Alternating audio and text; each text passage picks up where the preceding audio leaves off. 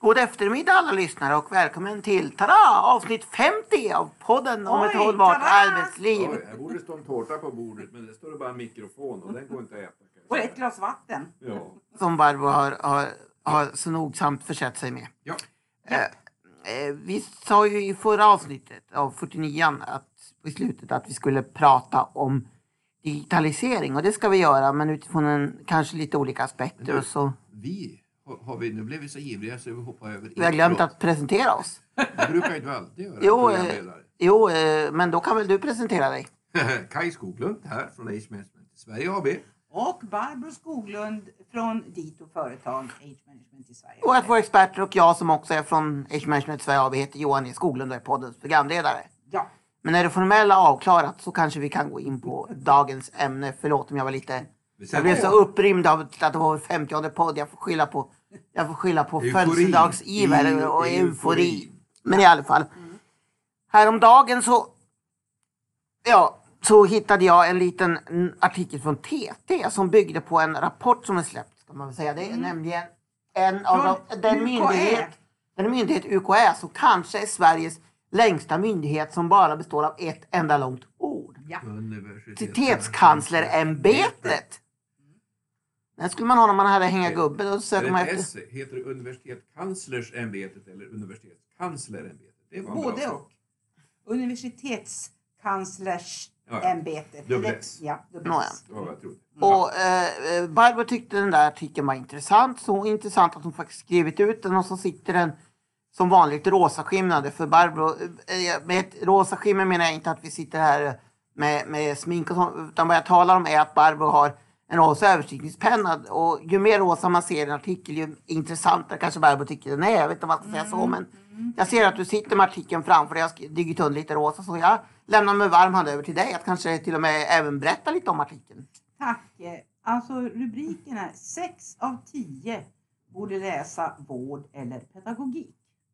Och hållbart arbetsliv, åldersmedvetet ledarskap, allt handlar om att hur ska vi klara den demografiska utmaningen att allt färre kommer ut på arbetsmarknaden och ska ersätta fler än vad de själva är. Eh, och det var väl därför som du drog igång det här med digitalisering. Men det får Kaj återkomma med så småningom. Jag ska ta det här kort, för det här är, alltså när det, ni vet att det ska ut så här många 40 000 och det är ditten och dutten. Det, det, vi har, det har vi sett. Det här är lite, lite annorlunda. Man har, eh, gör det följande, och det blir lite mer pedagogiskt förmodligen eftersom det är från universitetskanslersämbetet som den här utredningen kommer. Behovet är så stort, jag citerar ingången, eh, att sex av tio i varje årskull som lämnar gymnasiet med högskolebehörighet borde börja läsa till lärare eller till ett vårdyrke. Alltså det är en sex av tio i varje kohort i hela Sverige som lämnar gymnasiet som är behöriga till högskolestudier borde gå in och bli lärare eller vårdyrken, legitimerade vårdyrken. Då inser ni, det är, liksom, det är fyra kvar till allt annat.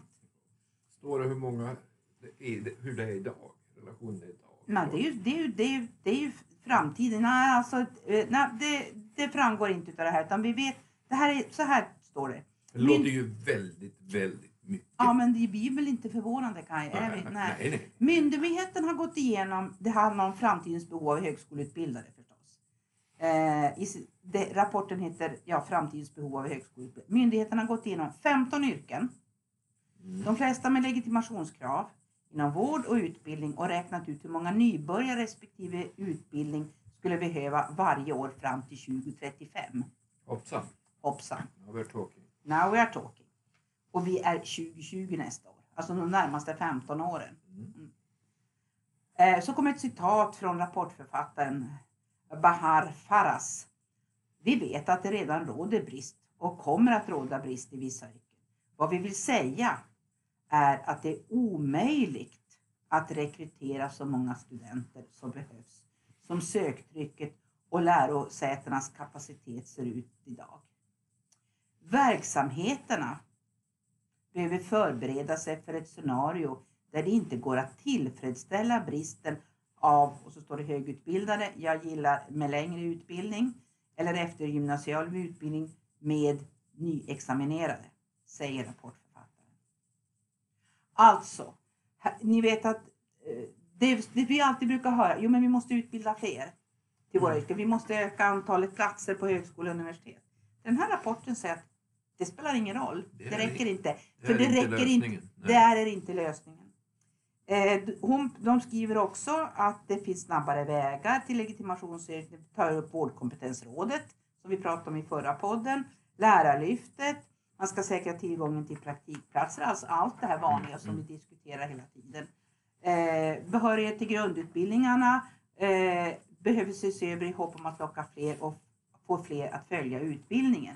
Men då är det så här att om man sänker behörigheten då sänker man också kraven och då blir det att avnämaren, det vill säga branscherna eh, som ska anställa de här, det vill säga i det här fallet, är kanske inte är så glada alltid därför att då är vi, vi, vi alltså, man får inte in rätt kompetens.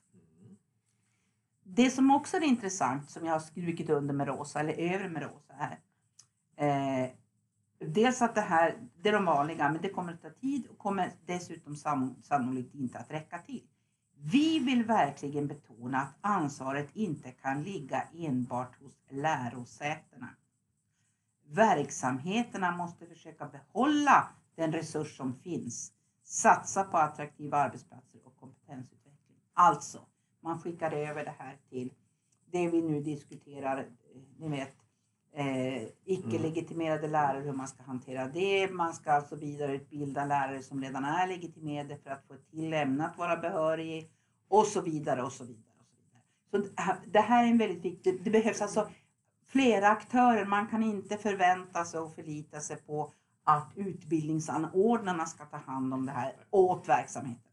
Det måste ju betyda att om man inte hittar några andra lösningar så tvingas man acceptera att man rekryterar personer som inte har den kompetens som man skulle vilja ha. Ja, det, vill säga- det, det är det Det man... vill säga o- om nu en högre utbildning eller en längre utbildning är ett- kvalitetsbevis så kommer man att tvingas eh, sänka kvaliteten, vilket är det sista man försöker göra. Ja, och det, Men det kan bli en realitet. Men å andra, Men sidan, men å andra sidan så är det så här att då, då är det behörighetskraven. För det här är ju nu då ska, till de som kommer in med högskolebehörighet. Som det, som det är då den här stora delen som skulle behöva gå Mm. till vård och pedagogik. Mm. Eh, men om man istället skulle bredda så att det kommer in fler, ja. Det här, det här ja. mm, det är det resonemanget som, som, som man måste Men vi, min slutsats är väl innan du går över och pratar om Plan B. Plan, plan B ja, precis. Det, de gamla planerna funkar inte. Utan man måste alltså titta på, och det finns ingen generalplan. Nej. Vilket ju är det gamla vanliga, att bara man utbildar fler eller bara man gör si och så. Eh, och eh, Mm. det är ju det intressanta. Mm? Ja, ett, eller plan B kan ju vara, vara att man rationaliserar. Det, det var ju igår som varslet lades på, eh, på eh, vad heter, Karolinska sjukhuset i Stockholm med, med var det 250 läkare som ska eh, avvecklas, vilket ju kanske är ett trendbrott, jag vet inte. Men plan B är ju för många digitalisering. Genom att digitalisera så kommer vi göra oss av med så många arbetsuppgifter så det här kommer att lösa sig. Och det Funkar det så? Ja, det finns ju studier som talar för det. Och den som har blivit väldigt känd, den har några år på nacken. Den är, kallas för Oxford-studien. Den är från 2013. Och den heter, för att citera, The Future of, Future Employment, How Suspectable Are Jobs to Computerization. Alltså, vad, Ja. Din engelska liksom. Framtida jobb. Ja, och hur... Hur, hur kan man förvänta sig att... ja, men jag, jag kan dra resultatet helt Ja, jag, jag tror det. Ja. Jo, där kom man fram till att 70 47 procent, alltså nästan hälften av alla jobb i USA, skulle kunna automatiseras inom ett par decennier. Och, och den här har ju fått stor spridning och, och det finns väl ett antal andra rapporter som går i samma riktning. En av dem är den svenska stiftelsen för strategisk forskning, SSF. De översatte den här studien till svenska förhållanden och de tog studien och så tittade på hur det ser ut på svensk arbetsmarknad. Och då kom de med en rapport eh, som heter De nya jobben i automatiseringens tidevarv 2015. Och då kom de fram till att 53 procent av svenska jobb kan automatiseras inom 20 år, alltså ännu lite mer än i USA. Och det låter ju ändå, om vi talar långsikt, den där studien, de siffrorna du hade, det, det var ju nästan en 20-årsperiod. Ja, Men 15 tänk- om vi successivt kan, kan eh, avveckla hälften av alla jobb fram till dess. Då skapar vi förutsättningar för att flytta resurser dit Ja. de behövs. Mm. Men, Doktorer, sjuksköterskor, ja, eller ämneslärare. För Ja, ämneslärarna ja. är ett jätteproblem. Ja. Ja. Mm. Nåväl, nu är det så eh, illa eller så väl beroende på hur man vill se det. Att OECD har eh, 2016 gått eh, på djupet i det här. Och de kom till helt andra slutsatser. Opsi popsi. Och det är ju inte så, och det är ju alltid så att de som kommer med dramatiska påståenden, de får ju mycket större publicitet. När någon kommer och säger ja det är inte så märkvärdigt, då blir det ju inte så mycket Nej. publicitet. Så därför är det nog inte lika många som... Krisscenarierna. är- Apokalypsen är alltid Mm. spännande. OECD är alltså inte någon sån här eh, kioskvältare. För de konstaterar att endast 9% av de amerikanska jobben skulle kunna automatiseras. Och för Sverige rör det sig om 7-8 Och de säger då att, eh, att Oxford-rapporten ger en överdriven bild av möjligheten att automatisera jobb. Vårt jobb. Många yrken innehåller i själva verket en stor del, andel icke rutinmässiga interaktiva arbetsuppgifter som är svåra att automatisera. Och deras bedömning är att det framförallt handlar om att det är delar av innehållet i, i, i olika yrken som går att automatisera. Och det kommer naturligtvis att inträffa. Men det betyder inte att eh, det blir särskilt lätt. Jag menar, om, om, om man avlastar en, en person 10 procent av. Ja. 10 procent av hennes arbetsuppgifter. Mm, Då återstår ju frågan, ja, ska, vi, ska vi sänka arbetstiden med 10 procent? Det blir ju så att man frigör ju resurser för att höja kvaliteten. Det betyder ju att det blir i, i realiteten ingen besparing utan förmodligen snarare högre du- kvalitet till en högre kostnad. Eller så, så är det så att den, den arbetsgivare som, som gör det här Mm. genom digitalisering Mm. använder det här till att effektivisera sin verksamhet. Ja. Och på så sätt behöver man inte ersättningsrekrytera Alla. alla. Det, det är ju det här som är the, eh, alltså plan B2 höll jag på att säga. Eh, För det här har vi ju Mm, diskuterat mm, de mm. senaste 20 Mm. åren du och jag Mm. eftersom det såg vi genast oavsett. Alltså man måste bestämma vilka typer av yrken som man inte behöver ersättningsrekrytera som vi har Mm. gjort av tradition tidigare. En som slutar och så tar man dit en annan Mm. när man går i pension. Eh, så man, och det, här, det är det här som blir den stora utmaningen för Om arbetsgivarsidan. man, skulle, om man gör förenklat skulle man kunna säga, ja, hur stor rationaliseringseffekt är det? Ja, det är kanske 7-8 procent som går att, att eh, ersätta och 92 procent, 90 till 92 procent måste ersättningsrekryteras. Starkt förenklat. Men det finns, och till sist ska jag bara säga att SKL, Sveriges kommuner och landsting, har faktiskt tagit fram tre väldigt bra rapporter om det här med, med både AI och automatisering och digitalisering. Jag ska nämna deras namn. En heter Automatisering av arbete, möjligheter och utmaningar för kommuner, landsting och regioner. Kom 2018. Den andra heter Automatiserad ärendehantering, att frigöra tid för värdeskapande arbete, också 2018. Och 2017 kom Artificiell intelligens, möjligheter för välfärden. De här är väldigt bra och väldigt balanserade och som jag tycker ger en, en, rimlig bild på, på både möjligheter men också problem. Och jag kan väl avsluta med att säga att man skriver också att en vanlig uppfattning är att automatisera att automatisering alltid motiver, motiveras av och leder till lägre kostnader. Men så behöver det inte vara. Nej. Och till sist, min gamla käpphäst från många, många år inom hälso och sjukvården är teknisk utveckling, tekniska framsteg. Kan man, om man inte vet något annat, då kan man utgå från ett, de höjer kvaliteten, två, de höjer kostnaden. För så har det hittills varit i stor utsträckning. I rest my case. Och jag kunde kommentera, men jag tror att den här podden är slut nu. Är den det, programledaren? Ja, nu har, vi, nu har vi hållit på i cirka 14 minuter Men och det 20 låter som en bra sekunder. plan. Och jag pratade i cirka en minut i början, sen har inte jag sagt någonting. Så att under 13 och en halv minut har ni pratat helt själva båda två. Innebär detta att jag är helt bortrationaliserad och att jag inte behövs i podden i framtiden? Det har Nej. ersatts av AI va? Nej, inte AI, nej, men nej. Alltså vi kan spela in ett generellt hälsningsmeddelande. Hej och välkommen till podden och sen kan ni sitta här och prata utan min Du, inblandning. ty- du tycker vi pladdrade för mycket. Nej, jag tyckte ni hade så, ni, jag tyckte ni hade så utmärkta saker att säga. Jag kände att jag hade inget att tillägga.